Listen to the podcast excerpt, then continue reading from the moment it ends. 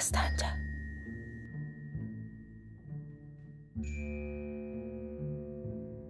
Zənnimcə burada heç bir siyasi məsələ yoxdur. Burada yalnız səmimi bir söhbət vardır. Çünki bura nə iclasdır, nə mitinqdir. Elmi akademiyanın dəftəri də deyildir. Qız gülərək Siz bunu səmimi söylədiyiniz kimi səmimiyyətə də inanırsınızmı? e, baxın buna vicdanımla söz verirəm. Bu tanışlıq davam etdikcə səmimiyyətimiz yüksələcək və möhkəm olacaqdır. Qız biraz düşünərək dedi: Ə, İstər Amerika, istərsə Alman hökumətlərinin İrandakı fəaliyyətində əvvəlincilər üçün xarici, İran üçün isə daxili mənfəəti vardır. Alman İranda Rus mənafeyinə qarşı təşəbbüslərdə bulunur. O Rusiyanın İranda almaq istədiyi bir çox imtiyazlara müştəri çıxır. Nəticədə İran Rusiyaya imtiyazlar verirsə də, qismən özü üçün əlverişli bir surətdə verə bilər. Çünki Rusiya öz qarşısında Alman kimi rəqib gördüyündən güzəştə məcbur olur. Bununla da İranın boynuna keçirilən boyunduruğun ağırlığı qismən azalmış olur. Amerikalılar da sizin vətəniniz üçün zərərli deyildir. İstər Alman, istər Amerika və bunların hər ikisi İranın hakimləri kəsilən İngilis və Rusiyədən bir şey qoparmaq və öz mənafelərinə qarşı güzəştə məcbur etmək siyasətini daşıyırlar ki, bu da bir çox hallarda İran üçün faydalıdır.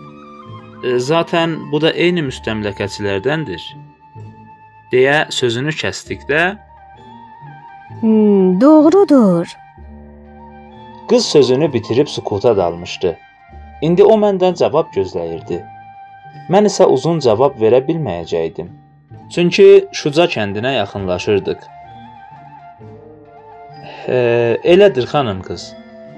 Lakin Alman Türkiyə vasitəsilə Hindistana səfər edərkən Türkiyənin nə vəziyyətdə qalacağına düşünməliyik.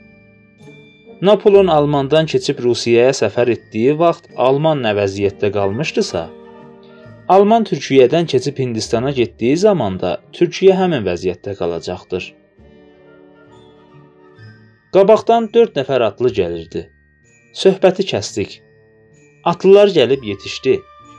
Ələkbər yoldaş öz əmisi oğlanları ilə bizim istiqbalımıza gəlmişdi. Dastanca. Şuca kəndinə girdik. Ələkbər yoldaşın 2 mərtəbəli evi qarşısında faytonlardan endik. Hava sərin idi. Xəfif bir yel də əsirdi. Əl-üzümüzü yuduqdan sonra get-gedə Culfanın istisini unutmağa başladıq. Adət üzrə ev sahibi qonaqların ayaqlarını yumaq tədarükünü gördü. Miss Hanna buna razı olmadıqda eh, adətləridir. Adətdən qaçmaq onları təhqir etmək deməkdir, dedim. Miss Hannanın ayaqlarını Ələkbər yoldaşın gənc arvadı yuyurdu. Mənim ayaqlarımı isə başdan ayağa qədər qara geyinmiş matəmli bir qadın yumaqdaydı. Mən bu qadını tanıdım. Bu rəhmətlik Haqverdi yoldaşın arvadı idi. Mən özümü saxlaya bilmədim. Bu qara paltar İrandakı birinci kəndli üsyanını və onun xain əllərdə öldürdüyünü nəzərimdə canlatdı. Ağladım. Haqverdi yoldaşın arvadı da ağlayırdı. Gözlərindən axan yaşlar əlindəki qabın suyuna qarışaraq ləyənə tökülürdü. Bunu görüb bütün evdəkilər və qonaqlar ağlamağa başladılar. Evin balkonu bir matəm məclisi şəklini aldı. Məsələdən xəbəri olmayan Miss Hanna da dəhşətindən gözlərinin yaşını axıdırdı. Söyləyin. Allah sevirsinizsə söyləyin. Bir bədbəxt hadisə üz vermişdir. deyə soruşdu. Mən əlimdəki üz dəsmalı ilə üzümü silərək otağa girdim. Miss Hanna dalımca otağa girib və bir daha Söyləyin. Nə hadisə üz vermişdir? deyə yalvarırdı. "E, dinləyin Miss Hanna." deyə anlatmağa başladım. 1908-ci ilin desambr ayında Culfada böyük bir kəndli isyanı olmuşdu. Bu isyan İran Azərbaycanında birinci və tarixi bir isyan idi. İsyan bir mülkədara qarşı başlanmışdı. Culfa və indi bizim olduğumuz Şuca və qonşuluqda olan Gərgər adlı şəhər və daha 50-yə qədər kənd hamı mülkədarın idi. Mülkədar çar təbəəsi olduğundan yerli qanunlara tabe olmayır, bütün məhsulun %70-ini kəndlinin əlindən alıb onu dilənçi halına salır və son vaxtlar yaxında olan Ələmdar şəhərinə sahib olmağa və İran hökumətini zorlamağa başlayırdı. Haman qara paltar qadının əri haqq verdi, bu yerin məşhur isyan rəhbəri idi. O ağalara qarşı böyük və silahlı bir isyan təşkil etdi. Oxumamış olduğu halda böyük təşkilatçı idi. O mülküdarı Allah hesab edən və ona qarşı isyana cürət etməyən xalqı inandırmağı və təşkil etməyi bacarırdı.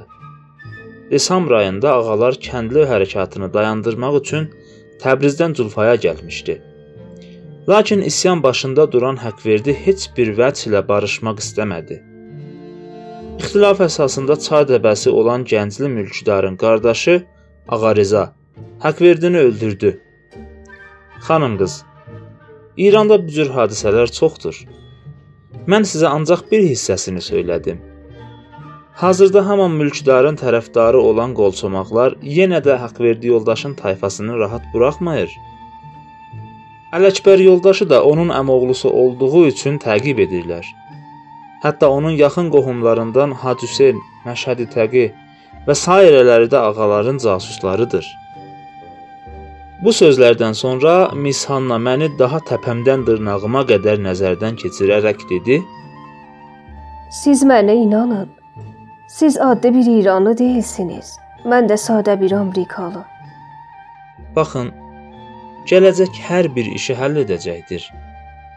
deyə mən qızın əlini oxşayaraq davam etdim. Bu gün bizim tanışlığımızın 5-ci günüdür.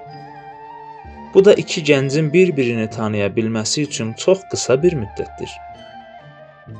Bu sözlərlə Hannanın qolundan tutub balkona çıxartdım. Dastanca. Həyətdə qoyun kəsmişdilər. Samavar da hazırlanmışdı, lakin çaya meylimiz yox idi. Hamı su içmək istəyirdi. Buna görə də mizin üzərinə böyük bir qab buzlu ayran qoymuşdu. E, bu nədir? deyə Mishanna Ələkbər yoldaşdan soruşdu. Buzlu eyrandır. Biz yayda çox az su içərik. Buz zərərli deyilmi? Buzu eyranın içinə salmamışıq ki. Eyranı buzun içərisində soyutmuşuq. E, buz bura haradan gəlir? Bizim getmək istədiyimiz Livercandan gətirirlər. Zulfada gördüyünüz buzlar da buradan aparılır. Misanna ayrandan içdi və çox xoşladı. Lakin xanın arvadı bir istikan artıq içməsinə mane oldu. Çünki o öyrənməmişdi. Axşam sərinləri düşənə qədər kababdan başlayıb plova qədər süfrəyə hər cür yemək gəldi. Balkon sərinlədiyindən xanın arvadı çiyninə bir rus şalı salmışdı. Miss Hanna da paltosunu çəmədanından çıxartmağı düşünürdü. Bu halda Əli Əkbər yoldaşın xanımı Miss Hannanın çiyninə gayet antiqə və qiymətli bir kirman şalı saldı. Əli Əkbər yoldaş qıza müraciətlə Xanımın sizə verdiyi hədiyyə qiymətli bir hədiyyə olmasa da, yenə o sizə bizim ailəmizi və mənim əziz qonağımı xatırladacaqdır. dedi. Qız razılıq etdi. Şalı bir daha diqqətlə gözdən keçirdi. Gün hələ batmamışdı. Faytonları qoşdular. Vidalaşdıq. Həkverdinin arvadı yenə də ağladı. Lakin Ələkbər yoldaşın anası Qızım, misafir dalınca ağlamaq yaxşı deyildir deyə onu sakit etdi. Faytonlara oturduq. Ələkbər yoldaş da 4 nəfər silahlı əmisi oğlanları ilə bərabər atlandı. Yolumuz gecə və həm də dağlar, dərələr arasından olduğu üçün onlar bizi Livarcana qədər müşayiət edəcəkdi.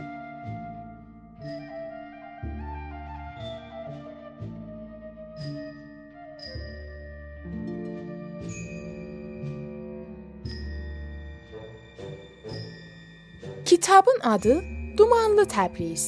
Yazar Məhəmməd Səid Ordubadı. Hazırlayan Nurullah Purşərif. Bu bölümdə səsləndirdilər: Ravi Əhməd Qurbanı, Mishanna Mina Purheydər, Rəfiq Ələkbər Məsud Əmiri, Rəfiq Ələkbərin anası Leyla Şərifi, Hacıxan Mehdi Miyablı. Düzənləyən Səccad Müslimi. Yönetmən Saray Tahiri. Bizim axağa qatılmaqla işimizin ardını tutmaqda bizə dəstək olun. Axağımızın adresi Dastanca. D A S T A N C A